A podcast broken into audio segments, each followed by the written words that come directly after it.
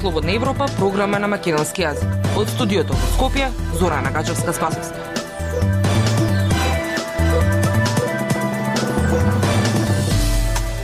Почитувари, ја следите емисијата на Радио Слободна Европа. Во неја објавуваме Многу фактори, не само состојбата на патот може да се причината за автобуската несреќа во која закинаа 45 патници, велат бугарските власти. Последиците од запоставувањето на енергетските капацитети допрва ќе ги почестуваат македонските граѓани. Кои се ставовите за клучните државни прашања на идниот лидер на СДСМ на и можен владен мандатар? Слушајте Независни вести и анализи за иднината на Македонија. На Радио Слободна Европа и слободнаевропа.мк. Многу фактори влијале за да настане сообраќајната несреќа на бугарскиот пат Струма. Состојбата на патот е едно од нив од бугарските власти. Резултатите од проверката на автопатот Струма на која се случи трагичниот настан во кој 45 патници загинаа од како автобус на Беса Транс се запалил на враќање од Истанбул. На пресконференција ги соопшти бугарската министерка за регионален развој Виолета Комитова. Марија Митавска ги има деталите. Има многу фактори кои можеле да предизвикаат и придонеле да се случи автобуската несреќа и фокусот не може да се стави само на патната инфраструктура, изјави бугарската министерка за регионален развој Виолета Комитова, коментирајќи состојбата на магистралниот пат Струма, каде автобус со туристи од Македонија пред една недела се запали при што загинаа 45 патници, а 7 беа повредени. Според неа ставањето на фокусот на патната инфраструктура ја искривува целата тема за безбедност на патиштата, која има четири основни елементи: патната инфраструктура, превозни средства, возачи и метеоролошки услови. Тие фактори во секој случај, како што рече, действуваат заедно. Имаме ноќно каране, имаме дожд. Имаме ноќно возење, имаме дожд, имаме лизгав пат, имаме возач на кој може би му станало лошо. Имаме пожар кој не се случува при секоја катастрофа. Ударот е слаб, со мала брзина во банкина, но предизвикал пожар. Има ситуација која не може да се објасни зошто тој автобус гори за толку кратко време. Има многу фактори и сите може би помогнале помалку. Да не се случи на никој од нас. Никој не е сигурен. Таа додаде дека не сака да звучи како оправдување тоа што многу фактори действувале за несрекниот случај. Ако некој од вас може да каже да. Ако некој од вас може да каже да барикадата е виновна или исклучувањето е виновно, кажете. Но ние имаме недвосмислен одговор по ова прашање. Комитова ја презентираше хронологијата на изградбата на патот и кажа дека проектот бил одобрен во 2002 година. Патот според неа бил изграден согласно тогашните стандарди. Комитова додаде дека ограничувањето на брзината на струма треба да е 90 км на час бидејќи не се работи за автопат. Во 2013 како што информираше, била променета брзината од 90 на 120 км на час. Комитова ја исклучи веројатноста дека зголемената брзина е причина за несреќата. Состојбата на патот според неа е добра. Околу 6 месеци, како што информираше, се доцни со обележување на патот. Во однос на банкините во кои удри автобусот, таа рече дека тогаш биле направени согласно бараните стандарди, но од годинава, како што додаде, има нови правила за банкините. Истрагата за несреќата ја води бугарското обвинителство во соработка со македонските колеги. Шефицата на обвинителството за организиран криминал и корупција Вилма Русковска изјави дека пожарот почнал кај багажниот простор кој се наоѓа над резервоарот во предниот дел на автобусот. Русковска рече и дека собственикот на Беца Транс Бегим Хаджиу бил во еден од автобусите кои се враќале од Истанбул како втор возач, а дека автобусите не возеле во конвој, туку разделени, па така останатите не ја виделе несреќата. Таа додаде дека сите документи за несреќата ги доставила до низините бугарски колеги. Русковска информираше дека на местото на несреќата разговарала со Хаджиу кој рекол дека не била пренесувана никаква запаллива материја во автобусите. Рускоска изјави дека македонското обвинителство води предистражна постапка не за причините за несреќата, туку за другите аспекти. Радио Слободна Европа, светот на Македонија. Занемарувањето на домашните капацитети за производство на струја на свој грб ќе го почувствуваат граѓаните кои допрва ќе се справуваат со последиците од енергетската криза. Домашното производство на струја е намалено за една четвртина во изминатава деценија, а производството во државните капацитети е речиси преполовено. Хидроцентралата Козијак е единствениот поголем капацитет изграден во независна Македонија. Сите поголеми електрани се изградени на почетокот на 80-тите и се веќе дотраени.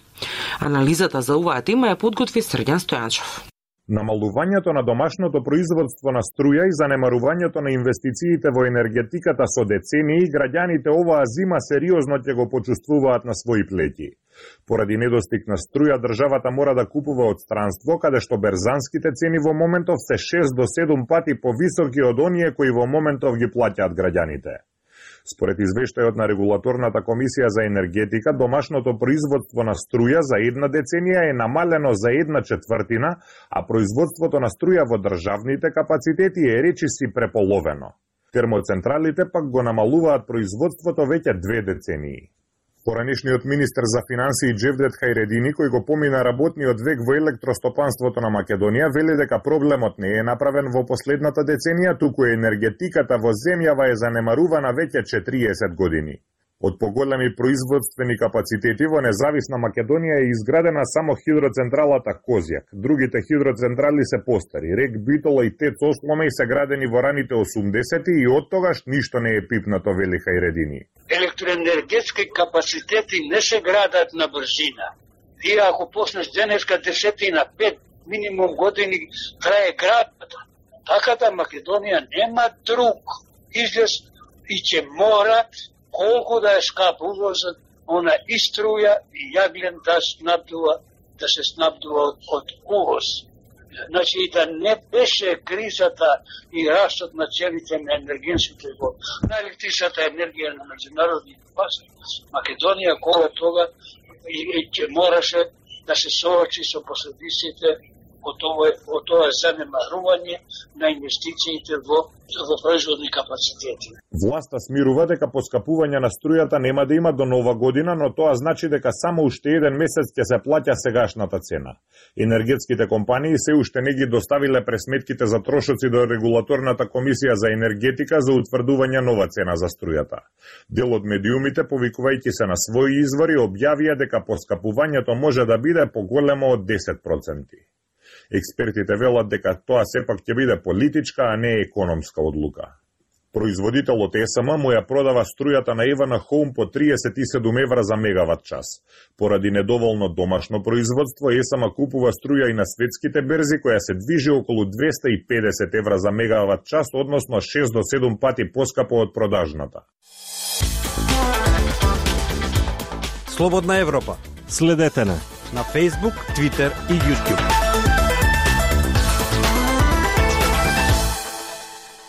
Единствениот кандидат за лидер на владеачката СДСМ досега во јавност е само заменикот министер за финансии Димитар Ковачевски.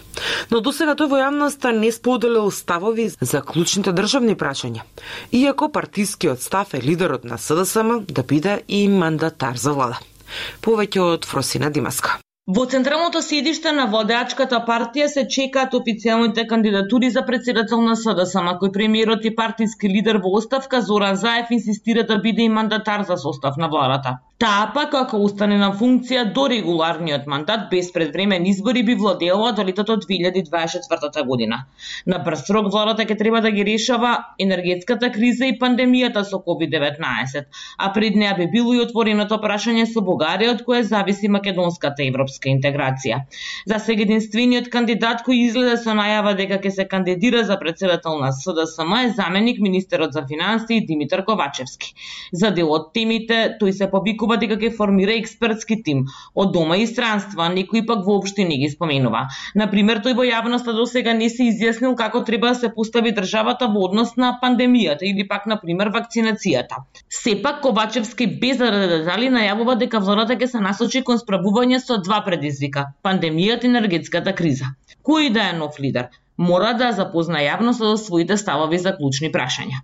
Од една перспектива владата има нели коалицијски договор, тоа, сепак во таа програма сите финеси на деликатната политичка ситуација во која што сме не се разработени За сега само Ковачевски, поддржан од сегашниот лидер на СДСМ Зоран Заев, јавно ја потврди кандидатурата за лидер на СДСМ, партија која досега има четворица лидери: Бранко Црвенковски, Владо Бучковски, Радмила Шекеринска и Зоран Заев. Но ниту еден од нив не се дефинираше како технократ, епитет кој веќе во јавноста го добива Ковачевски. Тројца лидери имаше и ВМРО да ДПМН, Лјупчо Георгиевски, Никола Груевски и Христијан Мицковски. Двајца од нив, Груевски и Мицковски, пак беа перцепирани во јавноста како технократи.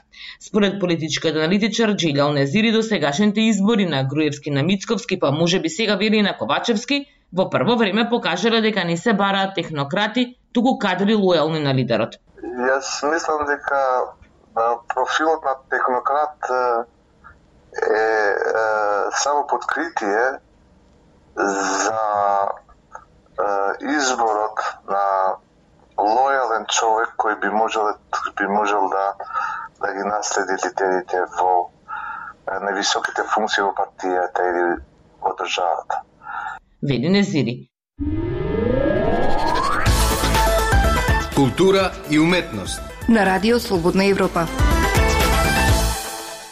Демократија и реализам е насловена самостојната изложба на реномираниот полски уметник Артур Жмиевски, еден од најзначајните европски уметници од неговата генерација што од 1 декември годинава до 30 март 2022 година ќе се одржи во Музеј на современа уметност.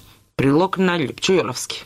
Точно по две години од неговото учество на меѓународната групна поставка Се што ни е заедничко, каде што се представи со своето видео дело на отворено во Музеј на современа уметност Скопје повторно ни доаѓа полјакот Артур Жмиевски, еден од најзначајните европски уметници од неговата генерација. Овој пат со самостојната изложба во чии рамки ќе бидат представени две видеоинсталации кои се составени од селекцијата на филмови од неговите капитални дела, инсталациите демократија и реализам. Овие два значајни циклуси, иако се создавани независно еден од друг, како што информираат организаторите на оваа несекојдневна поставка, Музеј на современа уметност Скопје, уметникот и галеријата и фондацијата Фоксал од Варшава, во изложбениот простор на нашата градска културна установа ќе бидат ставени во специфична директна релација, така што силниот контраст помеѓу двата циклуси на дела на интересен начин да открие една чудна комплементарност и длабока поврзаност на нивната содржина. Оттаму во своето кураторско обраќање за ова представување на Жмиевски, кој ќе може да се проследи до крајот на март следната 2022 година, не случајно Владимир Јанчевски пишува: Спротиставувањето на овие колекции од подвижни слики слики кои се избрани како составен дел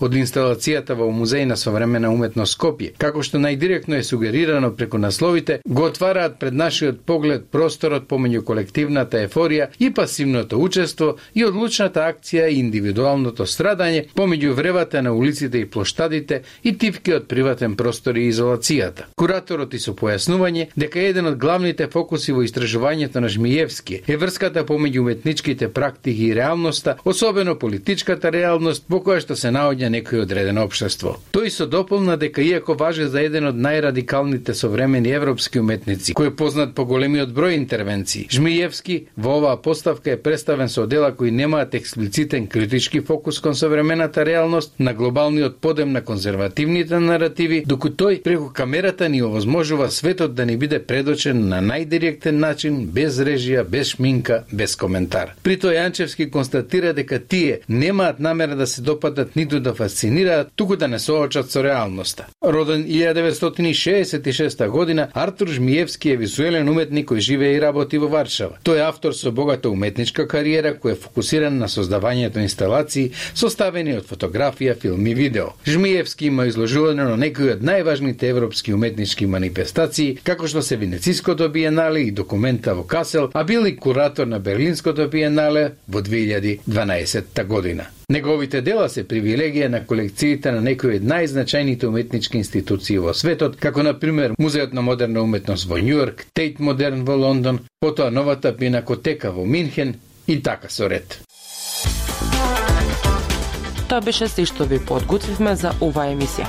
Со вас од студиото во Скопје беа Зора Нагажевска Спасовска и Дејан Балаовски. До слушање.